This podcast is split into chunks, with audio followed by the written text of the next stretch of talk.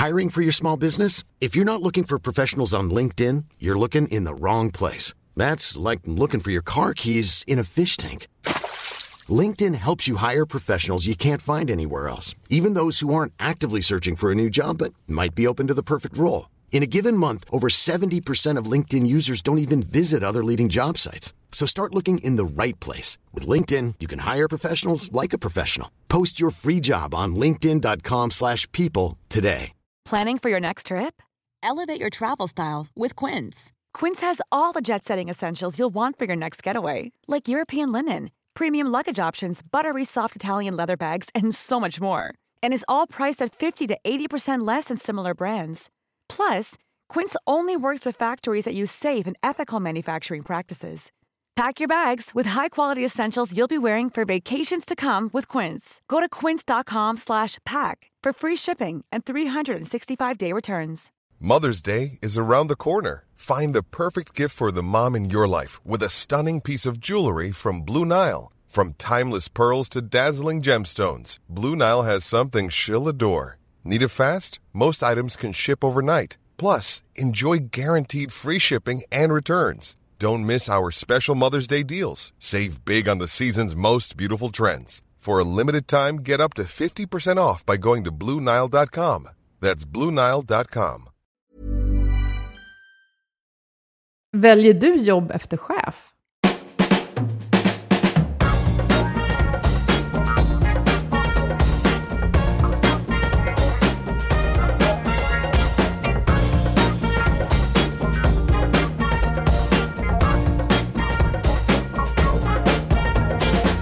Här är Health for Wealth, en podd om hälsa på jobbet. Vi är Ann-Sofie Forsmark, hälsomanagementkonsult och Boel Stier, copywriter och kommunikatör.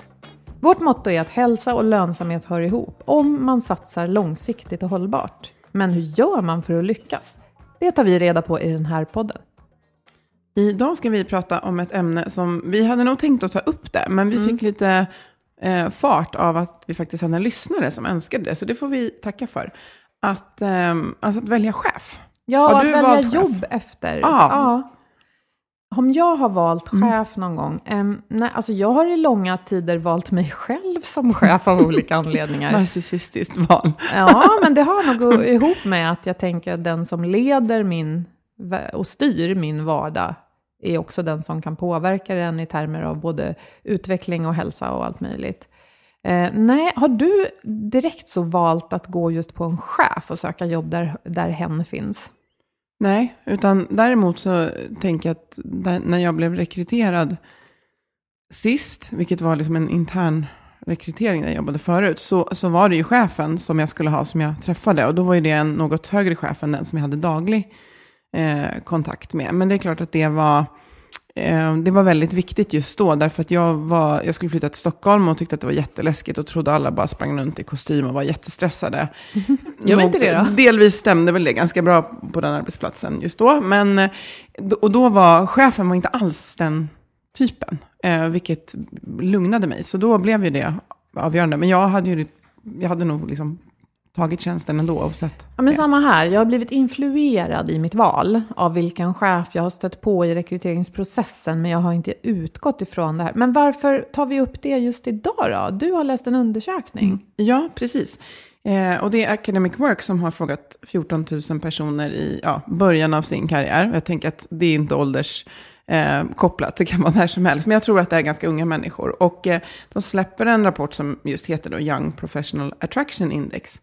Och här kommer de fem viktigaste punkterna upp för var man vill arbeta. Och då är bra chef och gott ledarskap, det är nummer ett. Och nummer två är trevliga kollegor och bra stämning. Så det hänger ju också upp med människorna man faktiskt jobbar med, snarare än lönen och vad man gör.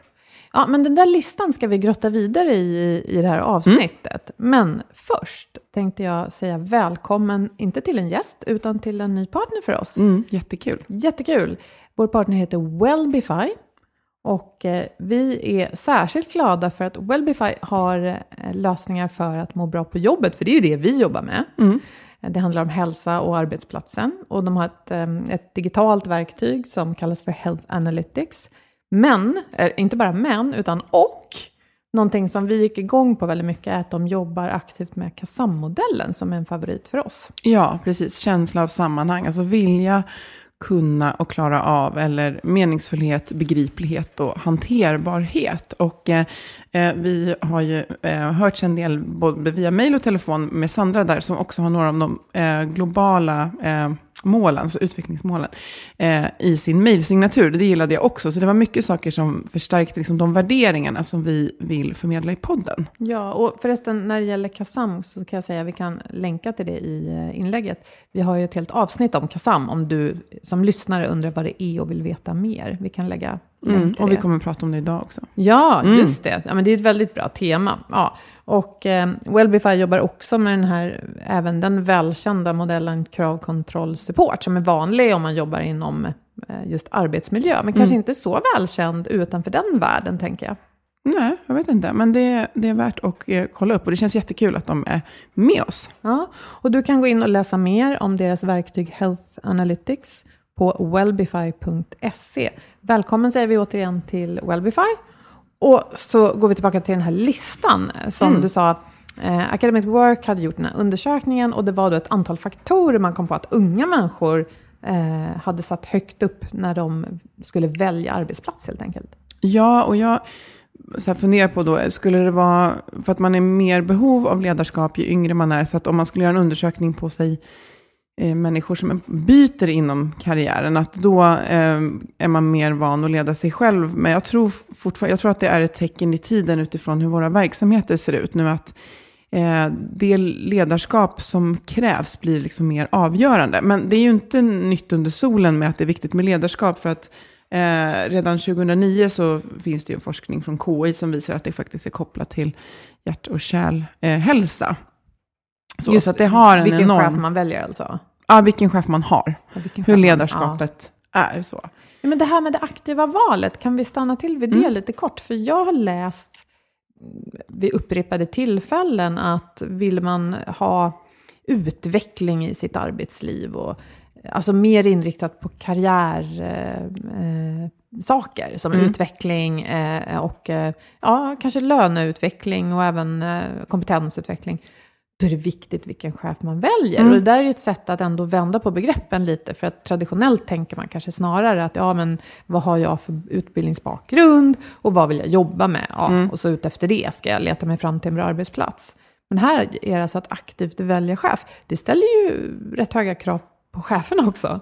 Absolut, och, och krav på att ha, eh, ja, och, och de som tillsätter chefer och skapar struktur för chefer så att de har tillgång till det ledarskap som krävs. Och det här är ju liksom en helt, ja, flera ämnen i, i sig. Men jag mm. tänker också att om man då tänker den typen, alltså alla verksamheter just nu, så så omställningsarbete, digitalisering, alltså förändring, alltså, förändring är det liksom begreppet som är genomgående. Och det innebär ju också att ledarskapet om man generaliserar lite grann, tar ju en helt annan, behöver ta en annan roll idag än för sig hundra år sedan, när det kanske handlade om att du var min bas. Och jag stod och jobbade kanske då vid ett, vid ett löpande band eller någonting. Och eh, inte funderade så mycket från dag till dag hur det skulle utföras, utan då var det snarare du som bestämde mm, om fick gå hem eller inte. Ja, men nu handlar det ju om att okej, vi ska hit, vi vet inte vad som händer imorgon eh, och chefen ska liksom fånga upp uppifrån, utifrån och coacha, stötta. Alltså det är en an, lite annan typ av ledarskap skulle jag säga som krävs nu. Och kanske är det därför eh, man pratar mycket om ledarskap nu också. Därför att jag kan tycka ibland när vi sitter här att känner att eh, chefsrollen liksom bara sväller och sväller. Och ibland kan jag fundera på att hur ska en människa någonsin kunna leva upp till alla de här höga kraven? Mm. Men samtidigt pratar vi också mycket mer om självledarskap. Ja, vilket kommer naturligt i en komplex Eh, roll. Och jag tänker att eh, det vi ska prata lite om idag, det är lite så här hur, ehm, för, för det vi fick frågan om, men hur, om jag söker ett nytt jobb, hur kan jag liksom intervjua min nya chef? Hur kan jag liksom reka hur det är? För jag kan ju fortfarande inte riktigt veta förrän vi faktiskt är i, förrän vi jobbar tillsammans. Nej, hur kan jag ta mig rätten så att säga att få ställa frågor och, och kräva svar på dem när jag är en av många sökande och samtidigt behöver ja, vad ska jag säga? Mm. Jag vill ju inte vara en sån här lite besvärlig typ, utan jag vill ju visa att jag är värsta kompetenta och allt det där. Mm. Men jag tänker då att just den här forskningen som finns hjälper, för att de, det är inget konstigt egentligen om jag sitter i en intervju och säger så här, ja, okej, man frågar lite så här, vad har ni för, ja, man frågar kanske, ja, vad har ni för pensionslösningar, bla, bla, bla. Men så, okej, det som man har sett i studier påverkar mest, det är ju liksom relationen medarbetare-chef. Så att jag hoppas att det är okej att jag, eller hoppas att det är okej, därför vill jag ställa frågor om dig, så att jag får en förståelse för hur vårt samarbete kan vara. För att det kommer påverka om det går bra för mig, och det kommer påverka om du gör en bra rekrytering. Men det är ju jättebra när du formulerar det så. Att då framstår det ju faktiskt bara som att jag är väldigt mån om att Proffsig. matchningen också ska vara bra. För att det är ju en matchning mellan människor. Och, och att jag också tar reda på hur jobbar ni här och hur tänker ni och vad, är, vad sätter ni främst när det gäller ledarskap och organisation. Ja, men nu när du formulerar det så lät det kanske inte så krångligt. Och de flesta chefer borde väl kunna svara på det också. Ja, annars kan man bli, börja bli misstänksam om man jobbar. Nej, jag är helt frånvarande. Jag sitter bara här och rekryterar dig och sen är det, här är din dator, kör. E- Eller skulle jag då vilja flika in om man upplever att, att chefen är som en levande eller vandrande broschyr. Nej, men man kan ju också känna av lite, eh, verkar det här vara någonting som betyder något för honom eller henne? Eller låter det mest som att personen läser från ett dokument? Men då tänker jag att eh, om man lyssnar så kan vi ju inte generalisera vilken typ av bransch det är man ska jobba i. Men det är egentligen som eh, din chef ska hjälpa dig med, eller din ledare, det är ju att hjälpa dig med ditt KASAM. Alltså att motivera, att skapa tydlighet och hjälpa med kompetensutveckling. Men också eh, till en viss nivå då liksom stötta med prioriteringar och hanterbarhet. Så att utifrån det kan man ju skapa sitt egna personliga eh, batteri. Och här tänker jag att man kanske inte är i stånd att söka nytt jobb. Man kan vara på en tjänst där man funderar på ja, men hur fungerar egentligen det ledarskapet som jag har. Hur, eh, hur har jag och min chef det avgränsat med självledarskap och ledarskap? Alltså hur mycket står jag för att skapa engagemang, meningsfullhet och känna liksom det här purpose då. Och hur mycket står jag för att själv till exempel kompetensutveckla och hur mycket förväntar jag mig att min chef kommer och säger du måste lära dig det här, eh, rolltydlighet och kunskap och så vidare. Och hur mycket står jag för att själv skapa min hanterbarhet och prioritera när det är för mycket och vilken roll ligger på min chef. För i de tre skärningspunkterna så, eh, så hittar vi även liksom work-life balance och vad man nu vill kalla det för. Just det, och den här KASAM-modellen kanske kan, det kanske är ny för några av er som lyssnar. eh, Och den kanske kan verka komplex, vad vet jag. Men jag tänker på den helt enkelt som en triangel med tre eh, delar. Vad, varför, hur. För att vad jag ska göra, ja men det är ju själva uppgifterna då. Och det, där i vadet finns eh, tydligheten också. Kan man avgränsa då, eftersom man kan säga vad jag ska göra, kan man då också säga vad jag inte ska göra, var går gränsen mellan mig och andra eh, kollegor kanske, eller hur, som du sa nu då, hur, hur mycket är det chefen som berättar vad jag ska göra och hur mycket av hur då? Löser jag själv eller finns det satta eh, verktyg och modeller för huret? Och sen när vi kommer till varför, ja, men det är ju meningsfullheten. Och det kanske är den som man, skulle jag gissa då, pratar minst om kanske i just en intervjusituation inför en ny tillsättning.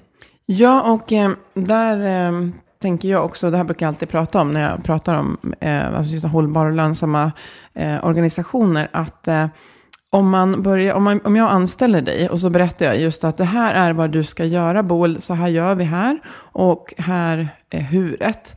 Eh, då bjuder inte jag in till alla organisationer, vill ju vara lärande och kompetensutveckla. Om jag istället talar om för dig så här, vi håller på att försöka lösa den här utmaningen och det hjälps vi åt med alla här och bjuder in, hur skulle du vilja göra det? Då bjuder jag in till ett lärande, därför att du kommer in med nya ögon och bara, wow, har ni gjort så här? Va? Tänk om vi skulle kunna göra så här? Vilket också behöver eh, handla om att jag skapar en enorm trygghet för dig, där du känner att, alltså det här kejsarens nya kläder nästan, att du kommer in och bara, nej men han är naken. Alltså du vågar säga det. säga, mm, Du känner det så här, vet du, här är det så här, vi vill att om du ser något som du tycker verkar konstigt, vi uppmuntrar dig att, på liksom ett fint sätt såklart, eh, säga, alltså säga till och föreslå nya sätt att göra saker. För det är så vi kompetensutvecklar, absolut billigaste. Men den frågan tänker jag nu, om jag skulle få den oförberedd i en arbetsintervju, beroende på hur, vad ska jag säga, det kan ju se lite olika ut. Ibland kanske man är oerhört stressad och väldigt gärna vill ha jobbet och känna att konkurrensen är hård. Så att man är rätt nervös. I en annan situation kanske det mer är så att man faktiskt sitter och intervjuar chefen. Och hur Mm. är det här egentligen? Och att man in, har inte bestämt sig. Så det är lite olika Mm. känslomässiga lägen och, och liksom, ja, maktbalansen helt enkelt i en sån situation kan ju se rätt olika ut. Men om jag då oförberedd skulle få frågan eh, av någon som först målar upp det här är problemet vi ska lösa, det är ett stort problem, det är komplext. Hur skulle du lösa det? Det skulle kunna bli, göra mig ganska eh, stressad att här ska jag plötsligt då på stående fot slänga ut ur mig jättekloka svar på en stor fråga. Vill man ha en sån fråga? Vill man bli för? Nej, man vill Nej, inte bli. Jag ser att du, jag, du menar skakar att, på huvudet. nej, jag menar att det är när du väl har börjat. Ja, att man är väldigt tydlig med att Ja, när du är här så, så är det så här. Och Ja, också just två andra saker. Nu är vi inne på att man har fått jobbet, men ett, en liksom tips till, till chefen just Mm. Det var att, det, ja, eh, att, att, att hur man kan tänka när någon väl är liksom on board. Men det är klart att man ska vara jättetydlig med det i intervjun också. Att vi, vi uppmanar till det här. Hur känns det? Mm. Eh, eh, för att vi skulle inte vilja anställa någon heller som inte vågar säga att man ser att wow, här finns enorm förbättringspotential. Men jag håller tyst ett år. Nej, Det precis. Nej, det får man ju hoppas att, att det inte är så stor vilja till sånt. Men däremot kan man förstås eh, diskutera och eh, jag tänker om det är en rekryteringsprocess skulle man också kunna säga då till eh, de som rekryteras att tills nästa gång vi ses så får du gärna fundera på det här. Har, Hur skulle du lösa just det här problemet? Eller? Jag tänker att om man tänker, eh, jag kommer ihåg när min kompis skulle börja jobba på McKinsey och jag frågade så här, jag har ju, jag har ju, vad körde de för, hur intervjuade de dig? Det här var 2002, 2003 och han fick någon sån här övning som var liksom så här, ja men eh, du är på Manhattan, hur många telefonkiosker finns det på Manhattan? Alltså man får ju ofta så här, för att man ska visa att man kan lösa problem, det är ju en del av rekryteringsprocessen, men, men precis, man kanske inte blir, vill bli satt på pottan så här att det här är vårt problem, hur löser du det? Men eh, däremot ska man ju visa ofta eh, på sådana typer av tjänster att man har hur man tänker och Ja, resonerar. Men, vänta, hur många telefonshot? Det var en jättekonstig fråga tycker jag. Ja, ja, det, ja, precis. Fast samtidigt så visar jag hur ska han räkna ut det? Hur angrep han det? Ja, ja. Angriper han det utifrån hur många, som jag tänkte då, hur många kvart, kvarter finns det? Och Mm, låg- ja, men du hur vet, många han, hur många invånare? Stor geografisk yta. Mm. Det kanske mer handlar om att berätta hur man skulle resonera snarare än Ja. vilken siffra man landar i. Ja, det var lite sidospår. Men Ja, jag tänker just att man, att om man känner så här, gud vad obehagligt att eh, liksom ta referenser på en chef och göra efterforskningar. Nej, för att om du med all liksom, rätt och med forskningsförankring kan säga att jag vet att vårt förhållande är så otroligt viktigt för hur jag kommer må, hur jag kommer prestera och alltså hur den här rekryteringen faller ut både för mig och för er, så är det inte konstigt att det är den som blir intervjuad för tjänsten som vänder på det och har kanske fem frågor, eller tio frågor eller vad det kan vara, om eh, hur personen som de kommer bli ledd av leder. Men det är ju intressant som du säger att ta referenser på en chef. För det är en sak att man googlar. Det gör nog många idag, och jag skulle säga de flesta. Och i det kanske ingår också att man försöker få ett grepp om hur är arbetsplatsen och stämningen där och ledarskapet. Och det är klart, dyker upp någon man känner som känner någon som jobbar på den arbetsplatsen så är väl det kanske det bästa sättet. Att då informellt prata med någon. Men om man ber om referenser, då kommer man ju gissningsvis få prata med någon som liksom är handplockad av chefen. Hur ärligt blir det då? Ja, nej, det kanske inte går just så. Men däremot så tänker jag just med verktyg som LinkedIn till exempel. Man ska bara jobba på en arbetsplats, letar upp folk som jobbar där och kanske frågar någon som... Och så tänker jag att det här kan man ju liksom sköta snyggt, att man chefen får reda på att, "Ha, gått bakom, eller inte gått bakom ryggen, men mm. du har liksom frågat folk anonymt. Ja, man, Ja. Men, men känner man att man skulle vilja höra hur någon annan beskriver någon, för att jag menar, det är ju inga konstigheter att om du blir anställd, att de frågar, kan, kan vi ta referenser? Så jag tycker inte alls att det är konstigt egentligen att, skulle jag kunna, har du några referenser på dig? Nej, men det är ju en jätteintressant fråga. Frågan är då, oh, ja, just det, chefen kanske visar vem eh, hon eller han är just i hur svaret på den frågan blir. Mm. Och sen tänker jag en, en annan sak som stärker det här, eh, att det är viktigt att välja chef. För att det kan ju vara att arbetsuppgifterna i sig kanske inte är jättespännande. Men om du har rätt chef, som, det är ju som att ha en coach på ett sätt, om det är ett bra ledarskap. Eh, där du växer i ditt, eh, din förmåga att lära, kritiskt tänkande, interagera med andra. Då kan ju en tjänst med rätt chef och rätt kollegor var en otrolig utvecklingsresa. Liksom, resa. trots att ja, mina arbetsuppgifter kanske är någonting som jag inte, så det är inte så spännande. Men det är allt som pågår i det sociala och allting jag har lärt mig av min chef. För det pratar ju många om att man lär sig och jag lärde mig så mycket av den här kollegan eller chefen som jag mm. hade. Eh, men man kanske inte pratar så mycket om arbetsuppgifterna. Så att det kan verkligen vara det. Okej, inte så kul, men jag lär mig så otroligt mycket och kommer utvecklas och ta med mig så mycket från det här. Och med tanke på att det var just unga som svarade på den här undersökningen, så tänker jag att ja, i början av sin karriär så får man ofta göra arbetsuppgifter som man kanske helst inte fortsätter att göra resten av livet. Det kan vara enklare jobb av olika slag. Och där kan det just vara extra viktigt om man är chef, eh, att se till att det finns utvecklingspotential, att man har det här tänkandet, hur ska jag stötta och coacha så att det blir en meningsfull tillvaro, även om man vet att många kanske bara stannar något år eller två. Mm.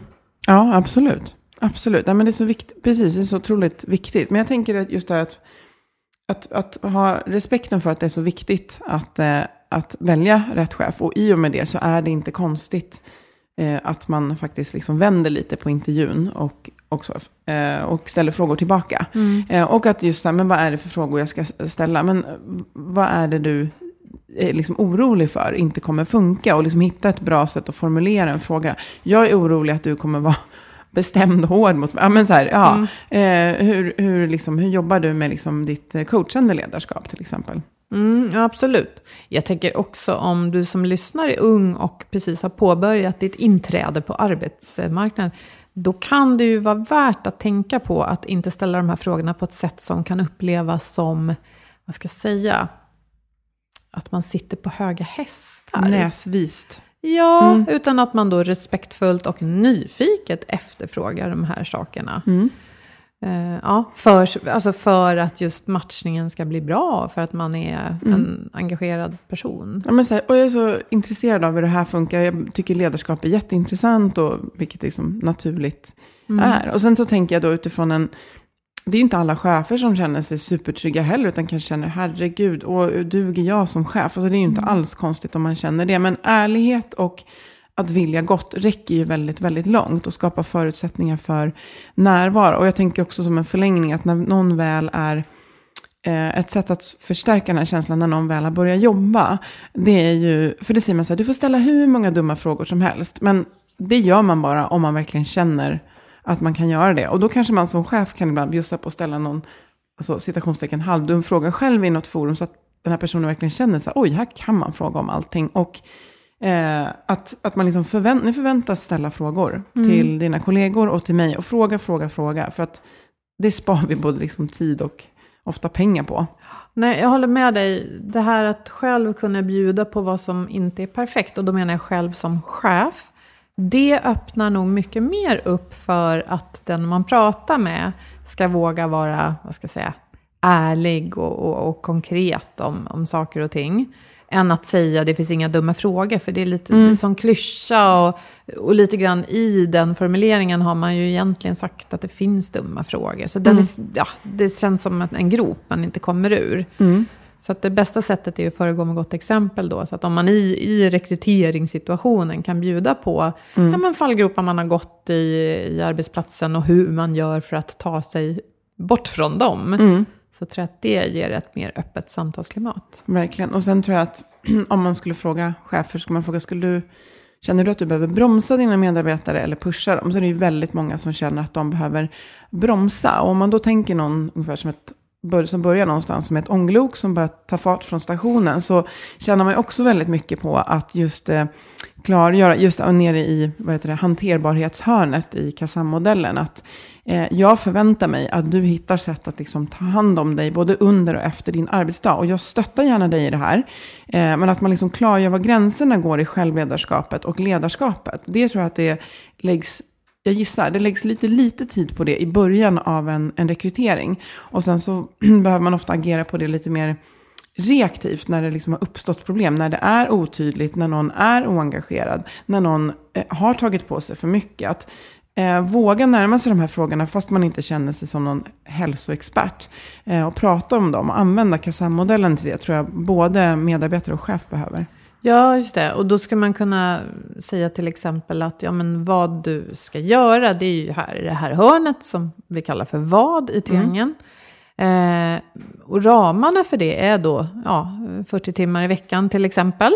Eh, eller beroende på hur uppdraget ser ut när du är här på plats.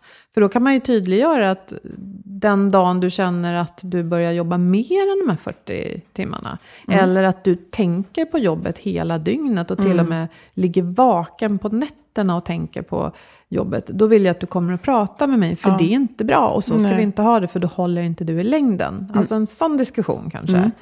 Mm. Och det skulle jag bli väldigt glad för ja. att höra också som blivande medarbetare. Verkligen, och ta det så tidigt. Inte, så här, inte få måla F på väggen, liksom att här har vi katastrofalt mycket att göra jämt. Utan snarare så här, med respekt för dagens arbetsliv så är det här utmaningar som vi ser. Men jag tycker just eh, Kazam-modellen, eh, googla på den eller hitta ett sätt att, om man gillar den. Eller, eller så kan man använda just det, apropå det vi tog med Wellbify, kravkontroll supportmodellen. Liksom mm. hur ser kraven ut här? Eh, vilka kontrollfaktorer har jag och sådär. Utan att det låter för formellt. Men det kan ge stöd till att fundera på vilka frågor jag vill ställa i en intervju när jag söker nytt jobb. Men också fundera på mitt befintliga, eh, om jag är anställd, om det är ledarskap som jag har just nu. Hur, mm. hur ser de här bitarna ut? Vad tycker jag är jättebra? Och vad tycker jag kan bli bättre? Och ligger det hos mig? Eller ligger det hos min chef? Eller oftast är det ju att vi hjälps åt med det. Men det är jättebra. Så vi kan summera att det blir allt vanligare att människor väljer jobb efter chef. Mm.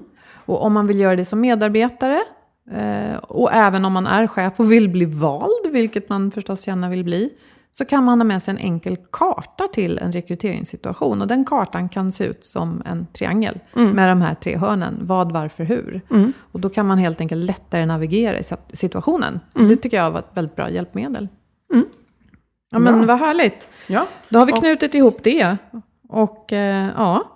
Som sagt, vi vill gärna höra om någon har valt just arbetsplats efter chef ja. och hur det gått. Eller om någon eller har, har gjorde den här bort. övningen nu och valde bort. Ja, man, kände, man kanske har valt bort en arbetsplats. Tror det, det är nog vanligare. Helt, uh, nej, men, ja, precis valt bort. Men jag tänker också känna att man behöver lämna någonstans. Därför att det här, den här biten inte funkar. Just det. Tyvärr. Men ni, som sagt, dela med er. Tankar och frågor och önska ämnen för avsnitt. Precis som min kompis Nina gjorde. Som gjorde att vi tog upp det här just nu. Ja. Vi vill ju alltid höra från er. Och vi finns som vanligt på healthforwealth.se, på LinkedIn och Facebook. Vi tackar våra samarbetspartners Wellbify och Agda Media som stod för den här produktionen. Ha det bra! Må så gott! Hej då!